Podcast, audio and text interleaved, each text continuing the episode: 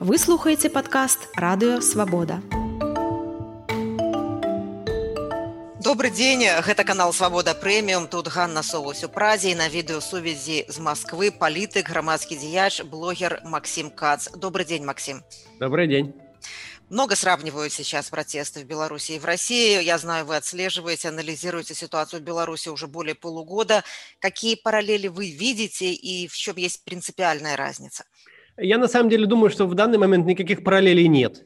То есть э, люди хотят провести какие-то параллели, потому что так проще понимать действительность, да, и так проще как-то предугадать будущее, чтобы провести, проведя какие-то параллели. На самом деле ничего похожего в данный момент нету. То есть э, протесты не возникли в результате выборов, э, протесты э, в данный момент не включают в себя в сообщество, они только начинаются это только какая-то стартовая точка протестов, они довольно э, уже широко распространены, то есть для стартовой точки это очень много, э, но тем не менее пока еще все общество в это не вовлечено. Хотя все общество вовлечено в дискуссию вокруг них, да, все видели фильм, но а, пока еще не все вовлечены именно в протесты, не все приняли для себя решение, что действующая власть неприемлема. Поэтому здесь есть еще пути назад – в отличие от Беларуси, где уже нет никаких путей назад, да, где уже а, эта власть не может остаться никак, да, то есть все, весь вопрос в том, как она уйдет, нет вопроса, что она как-то э, сможет остаться то в России еще нет, не, не, не такая ситуация. То есть в России еще как-то вот можно все это вывести в политическую плоскость, э, провести выборы в Госдуму, там изберется какая-нибудь оппозиционная фракция и будет депутатствовать, и как бы как гражданский мир сохранится. То есть есть очень большая разница а, и ситуация совершенно не похожа. Максим, вот ваши блоги заряжают, заряжали оптимизмом многих белорусов все эти месяцы. Вот мне кажется, я регулярно смотрю ваши блоги, что вы стали немножко меньше говорить о Беларуси. Вот я, наверное, так ли это? Да, И... я на днях думал как раз о том, что пора выпустить э, ролик про Беларусь, ситуацию там. Но, конечно, я стал меньше сейчас говорить про Беларусь по той причине, что Э, просто там происходит меньше событий в данный момент. Да? Но То белорусский есть, э, контекст у вас в, любом, в любой другой теме все равно остается, да? Ну, мы, мы говорим об этом, мы стараемся говорить в новостях э, постоянно про то, что происходит в Беларуси. Но дело в том, что по большому счету белорусский протест сейчас находится в таком состоянии паузы, то есть продолжаю, я вижу, и все видят, что продолжаются протесты в воскресенье и в районах, и цепи солидарности, и много чего продолжается, но а, такой острой фазы, как было раньше, нету. То есть уже нет такой ситуации, что а, четверть Минска или там треть Минска выходят на улицы и идут в центр города и выступают там против власти.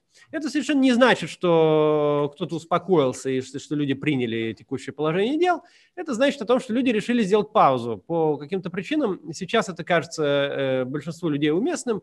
Причин много может быть. Может быть, зима, а, может быть, эм, э, что значительная э, часть э, вот уже донесена до всех, то есть всем все понятно, всем понятно, что все общество против, и всем понятно, что должен состояться уход действующей власти в том или ином виде. И вот поэтому острая фаза сейчас на паузе. Я думаю, что есть все основания предполагать, что это все продолжится весной, я думаю, что когда это продолжится весной, все иллюзии, которые еще могут быть у каких-то людей э, вокруг Лукашенко о том, что это все может успокоиться и что общество может все-таки принять власть Лукашенко и вернуться в состояние начала 2020 года, когда по большому счету это принимаемое руководство, несмотря на то, что все понимают, что оно нелегитимное, что оно не демократическое, но оно было принимаемое. Может быть, у кого-то есть иллюзия, что к этому можно вернуться. При возврате протестов весной всем будет ясно, что вернуться это не может и что э, уход должен состояться так или иначе. Как мы видим, кстати, по вот документам, которые появлялись в интернете, и российскому руководству понятно, что Лукашенко не останется у власти в Беларуси, и российское руководство тоже думает насчет дальнейших шагов э, после того, как он уйдет. Поэтому я думаю, что возвращение протестов э, весной сделает эту ситуацию очевидной и неизбежной. Вы говорите, что острая фаза протестов миновала, но острая фаза репрессий, мне кажется, не остается такой же острой, остается такой же, такой же сильной, и э, все больше и больше репрессий. Мы каждый день, вот мы каждый день работаем, да, 15-20 судов, и это уже не 15 суток, а это уже года, да, а это уже будущие лагеря для людей, которые участвуют в протестах. Как вы думаете, у власти получится запугать людей так, чтобы весной эти протесты не возобновились в том масштабе, в котором они были. Но это в этом весь вопрос. Э, в этом весь вопрос. На этой стадии, которая сейчас э, есть у белорусской власти, есть два пути, э, по которым дело может пойти. Первый – это демократизация, а второй – это военная диктатура. Военная диктатура действительно подразумевает сроки и репрессии для всех несогласных. Вот то, что говорили про строительство лагерей для протестующих, все это будет. Это никуда не денется, если будет установлена военная диктатура. А, поэтому весь вопрос сейчас и заключается в том, по какому сценарию пойдет ситуация. Если удастся запугать людей, если они решат, что они не готовы больше сопротивляться, что самые активные уедут, другие уйдут во внутреннюю миграцию, и все будут следить за ситуацией из своих окон или из своих дворов, э, или из своих районов, то, э, да, может установиться военная диктатура. Не думаю, что надолго, но на какое-то время, и да, тогда репрессии, конечно, усилятся, и будет все плохо. Если же люди не запугаются и решат продолжить протесты, и не сдадутся, и не примут эту ситуацию, что, я думаю, так и будет, потому что э, ну, мне кажется, что это неизбежно, и слишком много людей так думает, и слишком мало людей в процентах от тех, кто не согласен, как-то реально подвергаются преследованию. То есть, э, безусловно, много людей подвергаются преследованию, но речь не идет сейчас о том, что в тюрьмах окажутся все, не то что все не согласны, даже какая-то значительная часть не согласна. Да? Тюрем есть, не хватит. Да, то есть сейчас речь идет о, именно о процессах для запугивания. То есть люди должны испугаться, решить, что им лучше заниматься своей жизнью, своей семьей и своей работой, и а, не выступать против власти. Если это получится, люди запугаются, то да, многие сядут, многие надолго останутся в тюрьме и установится военная диктатура. Я думаю, что это вряд ли произойдет, и что а, общество не согласится с этим и продолжит э, протесты, и случится демократизация, как всегда происходит э, в подобных случаях. Говоря о запугивании, а, еще, еще да, да, да, да. Да, вы сказали, что вот эти осуждения происходят не на сутки, а на годы. Я не думаю, что можно сейчас ожидать действительно, что будут какие-то годы э, или что-то подобное, э, потому что я не думаю, что, что власть может удержаться э, какой-то подобный, подобный срок. Так что Э, понятно, что они выдают какие-то суровые приговоры, но ожидать, что они действительно сохранятся там через год, это, это довольно сложно. Ну, конечно, все зависит от общества, готово ли оно будет продолжать э, борьбу. Вы рассказывали не один раз о том, что стали следить за событиями в Беларуси после того, как в Минске арестовали вашего друга, политтехнолога Виталия Шклярова. Он уже на свободе. Вот его интервью после освобождения, в котором он называл Лукашенко крутым мужиком, говорил, что они одного поля ягоды, вызвало очень неоднозначную реакцию в Беларуси. Вот говоря о запугивании сейчас, да, как бы вы сами объяснили это? Это вот такой стокгольмский синдром, это такие последствия тюрьмы КГБ, страх за родню в Беларуси. Что вы думаете, почему так он сказал? Мне это интервью очень не понравилось. Я сразу же на следующий день выпустил у себя ролик о том, что я об этом думаю. А, я не, не, не хочу ставить диагнозы, да, стокгольмский это синдром или действительно страх какой-то. Но это интервью совершенно не годится. И то, что он там высказал про Лукашенко, это совершенно, на мой взгляд, неприемлемо. И э, мне кажется, что люди все все правильно поняли на этот счет. То есть э, мне не кажется, что он кого-то убедил в том, что, ну, в том, что он там говорил. Э, мне кажется, его репутация пострадала от этого. Мне кажется, он зря так сделал. Я бы не занимался вот этой культурой канцелинга, да, как, как, как, как э, принято сейчас, что вот он сказал один раз не то, и теперь мы вообще больше с ним не разговариваем, не водимся. Я с ним разговариваю.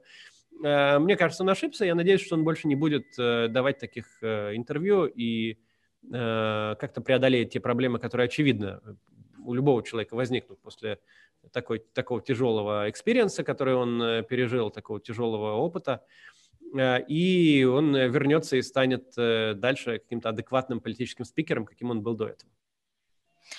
А, Максим, вот говорить о том, что протесты в России приведут к падению режима в ближайшей перспективе не приходится, и вы про это говорите. Если не, они будут, говорю. но я в ближайшее, как бы, чтобы не, не произойдет. Совершенно непонятно, все зависит от действий власти. У нас тут очень э, заряженная на то, чтобы э, спровоцировать революцию власть. Э, наши власти уже спровоцировали революцию на Украине, в Украине в 2014 году. Э, Причем вполне возможно, что это были те же действующие лица. Да? То есть, когда власть начинает пытаться какой-то твердой рукой подавить нормальный гражданский запрос, да, когда людям не дают выйти на улицу, когда люди, людей там бьют, потому что они просто хотят высказать свое мнение или получить свое политическое представительство своих депутатов, то это приводит к тому, что общество перестает принимать эту власть, у власти теряется легитимность и случается изменение политического режима. А, и этому наша власть сейчас очень способствует, да, то есть вроде, вроде бы иногда есть какие-то просветы, да, но в основном они, они вот, э, то есть они ну, не находятся на том уровне, на котором э, белорусская власть находится, да, то есть э, все-таки на улицах пока не то чтобы вот не избивают прям всех, кто вышел, и э, конфронтация не на этом уровне, но то, что посадили лидера оппозиции, по явно сфабрикованному уголовному делу, вместо того, чтобы дать ему поучаствовать в выборах в Госдуму и, и получить оппозиционную фракцию, ничего бы не случилось. Это все действительно большие риски делает для ситуации в стране, и она может запросто начать развиваться по очень быстрому сценарию, и очень быстро могут наступить перемены. Ну, то если эти протесты будут продолжительными, будут массовыми, как вы думаете, как это повлияет на поддержку Лукашенко Путиным? Станет она больше, станет она меньше, останется прежней? Не до того, может, будет совсем. Насколько я могу судить, поддержка и так очень слабая. В основном она ограничивается информационными интервенциями, да, то есть какими-то сообщениями о том, что мы поможем. Все, да. А в остальном вот документы, которые появлялись о стратегии администрации президента России в Беларуси, говорят о том, что администрация президента ожидает падения Лукашенко и, в общем-то, даже совершенно не против этого она живет в парадигме, что в течение там какого-то не очень полугода с момента публикации тех документов уже в Беларуси будет другая власть. А, и я не, не думаю, что Лукашенко каким-то образом может рассчитывать на поддержку России серьезную. А, ну, России было важно, чтобы в результате протестов не упал похожий политический режим. Ну, в принципе, как бы, вот если он упадет через э, там, месяц или два, э, как бы может показаться кому-то, что это не в результате протестов, хотя, конечно, это в результате них, но э, вот эта цель была, да, ну а вот цель, чтобы оставался Лукашенко дальше, у России, я думаю, такой цели нет, и мне не кажется, что какая, какая-то может быть поддержка, и я не думаю, что как-то события внутри России на это повлияют. А, белорусы наблюдают за протестами в России, видят, что действия силовиков не такие брутальные, как в Беларуси, и ну, часто приходится мне читать последние дни, что Путин не хочет быть, не хочет быть президентом ОМОНа, каким конечно. сейчас является Лукашенко. Вы согласны с этим, да? Конечно, конечно, не хочет. А, любому политическому эм, э, ну, даже не знаю, говорить, лидеру, не лидеру, человеку, который находится во главе системы, неважно как, хоть он король, хоть царь, хоть э, демократически избранный президент, хоть захвативший власть военный, ему хочется править на основе авторитета, а не э, на основе права сильного. То есть вот это вот дело, что если ты со мной будешь не согласен, я тебя побью, оно не позволяет управлять современным обществом. Оно могло позволять управлять обществом там в индустриальной какой-то век или в аграрной. А сейчас э, это невозможно. То есть э, все, все, все это понимают. То есть ты, ты не можешь э, оставаться у власти и ну, не довести страну до ситуации там какой-нибудь ДНР или ЛНР, да, когда остались жить одни пенсионеры, а все, все кто мог, уехал, или Венесуэла, похожая история. Э, ты не можешь находиться у власти на основе силы. Это понимают все. А, и никто не хочет быть президентом ОМОНа. Э, просто у кого-то есть политические возможности работать в ситуации, а у кого-то уже нет из-за того, что он совершил э, множество ошибок и посчитал, что он может задавить сапогом гражданскую активность, как это произошло с Лукашенко. Да, Лукашенко пролетел э, просто бездну, огромный путь от, э, в общем-то, принимаемого лидера страны, принимая, большинством населения принимаемого в начале 2020 года и принимаемого европейскими демократиями. Он, он был, в общем-то, его были готовы принимать на каких-то международных саммитах, он был собирал какие-то минские группы, куда приезжали западные лидеры. То есть он, он был нормальным членом мирового сообщества. И вот за несколько месяцев э, из-за попытки подавить силой мнение, позицию людей, он стал совершенно э, жалким и не обладающим никаким авторитетом э, человеком, который вызывает насмешку и больше ничего. Да, он может еще достать до некоторых людей в Беларуси и как-то начать их э, вот, преследовать и устроить репрессии на территории Беларуси он пока может. Но он уже не президент. Это уже просто какие-то ошметки от того, что было раньше. Конечно, Путин не хочет оказаться в этой ситуации. А другое дело, что вокруг Путина есть люди, которые не очень э, блещут умом, у которых э, солдатский такой КГБшный склад ума, и даже не КГБшный, а просто солдатский которые считают, что если кто-то не слушается, то его надо задавить. И именно эти люди приводят к тому, что политических лидеров сажают в тюрьму вместо того, чтобы побеждать их на выборах что мирный протест, вместо того, чтобы дать ему спокойно пройти по улицам Москвы и выразить свое мнение, э, пытаются остановить и избивать. И именно все это приводит к эскалации ситуации. А я думаю, что это политическому руководству, менеджменту российскому не хочется идти туда, куда пришел Лукашенко. Но сейчас оно туда идет. Значит, остановится ли оно или нет, непонятно. Оно уже несколько раз останавливалось. Потому что была попытка посадить Навального в 2013 году, его на следующий день отпустили. Была попытка посадить Навального, по-моему, в 2016 году, я точно не помню, тоже ФСИН выходил с требованием заключить его под стражу, его суд отказал. В общем, э, в России как-то есть пока баланс между тупым солдафонством и э, политическим э, управлением ситуацией. Если этот баланс все-таки окончательно сдвинется в сторону тупого солдафонства, то тоже вопрос полугода-года, когда власть в России сменится.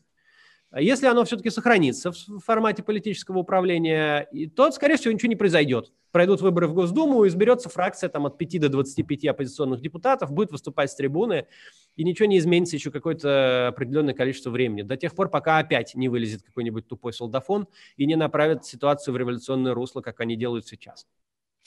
Сейчас в Беларуси и в России я слышу голоса, которые сравнивают Светлану Тихановскую и Юлию Навальную, а, что Юлия Навальная может стать такой же лидеркой, таким же лидером, как Светлана Тихановская. Ими двигала любовь, э, ими двигали ну, какие-то э, чувство по, по отношению к своему мужу, но и они потом становились, становятся, Светлана стала реальным лидером. А, то же самое может произойти с Юлией Навальной. Как вы смотрите на такую перспективу? Это может произойти, да, это, это может произойти. Юлия Навальная вполне может, я видел статьи, что обсуждается, что она возглавит список яблока на выборах в Госдуму, например. Понятно, что это обсуждение, что есть большие там сложности, но если это произойдет, то это будет очень серьезная история, или если она изберется в Госдуму, или если она решит э, вести политическую деятельность, политическую карьеру, да, это может быть очень серьезно.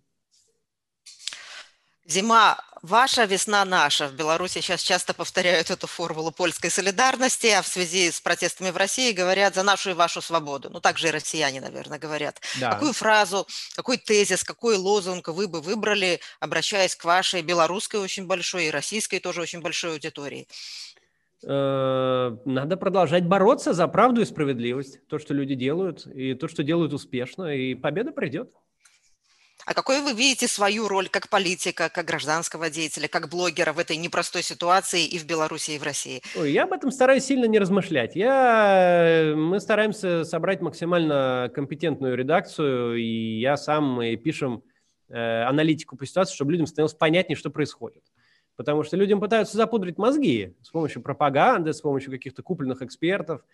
И люди начинают э, воспринимать ситуацию не так, как она есть. Например, многие сейчас почему-то вот повелись на эту идею, что в Беларуси прекратились протесты и Лукашенко остался. Это абсолютно не так. Вот абсолютно не так. А, но как бы, ну, у людей негативные эмоции, им хочется как-то их выплеснуть, и они выплескивают это вот таким вот возмущением, таким, что вот ничего не вышло, ваш мирный протест этот не сработал, надо было там с вилами. Ну, я, мы нашу свою роль вот э, в этом деле видим как э, просто объяснять людям реальность, как она есть на основе каких-то научных данных, прошлого опыта, просто объективного анализа ситуации, а не предвзятого и не кем-то проплаченного и без э, какого-то кукловодства из какого бы то ни было кабинета. Мы это делаем, это вызывает интерес, и мы это продолжим. Дзякуй вялікі гэта быў расійскі палітык грамадскі дзеяч і блогер Максім Кац всяго вам найлепшага Гэта быў падкаст радыёвабода слухайце нас на ўсіх падкаст платформах і на сайце свабода кропка орг Хочаце ведаць што адбываецца апошнія навіны жывыя трансляцыі відэа фото пастаўце на мабільны телефон нашу аплікацыю у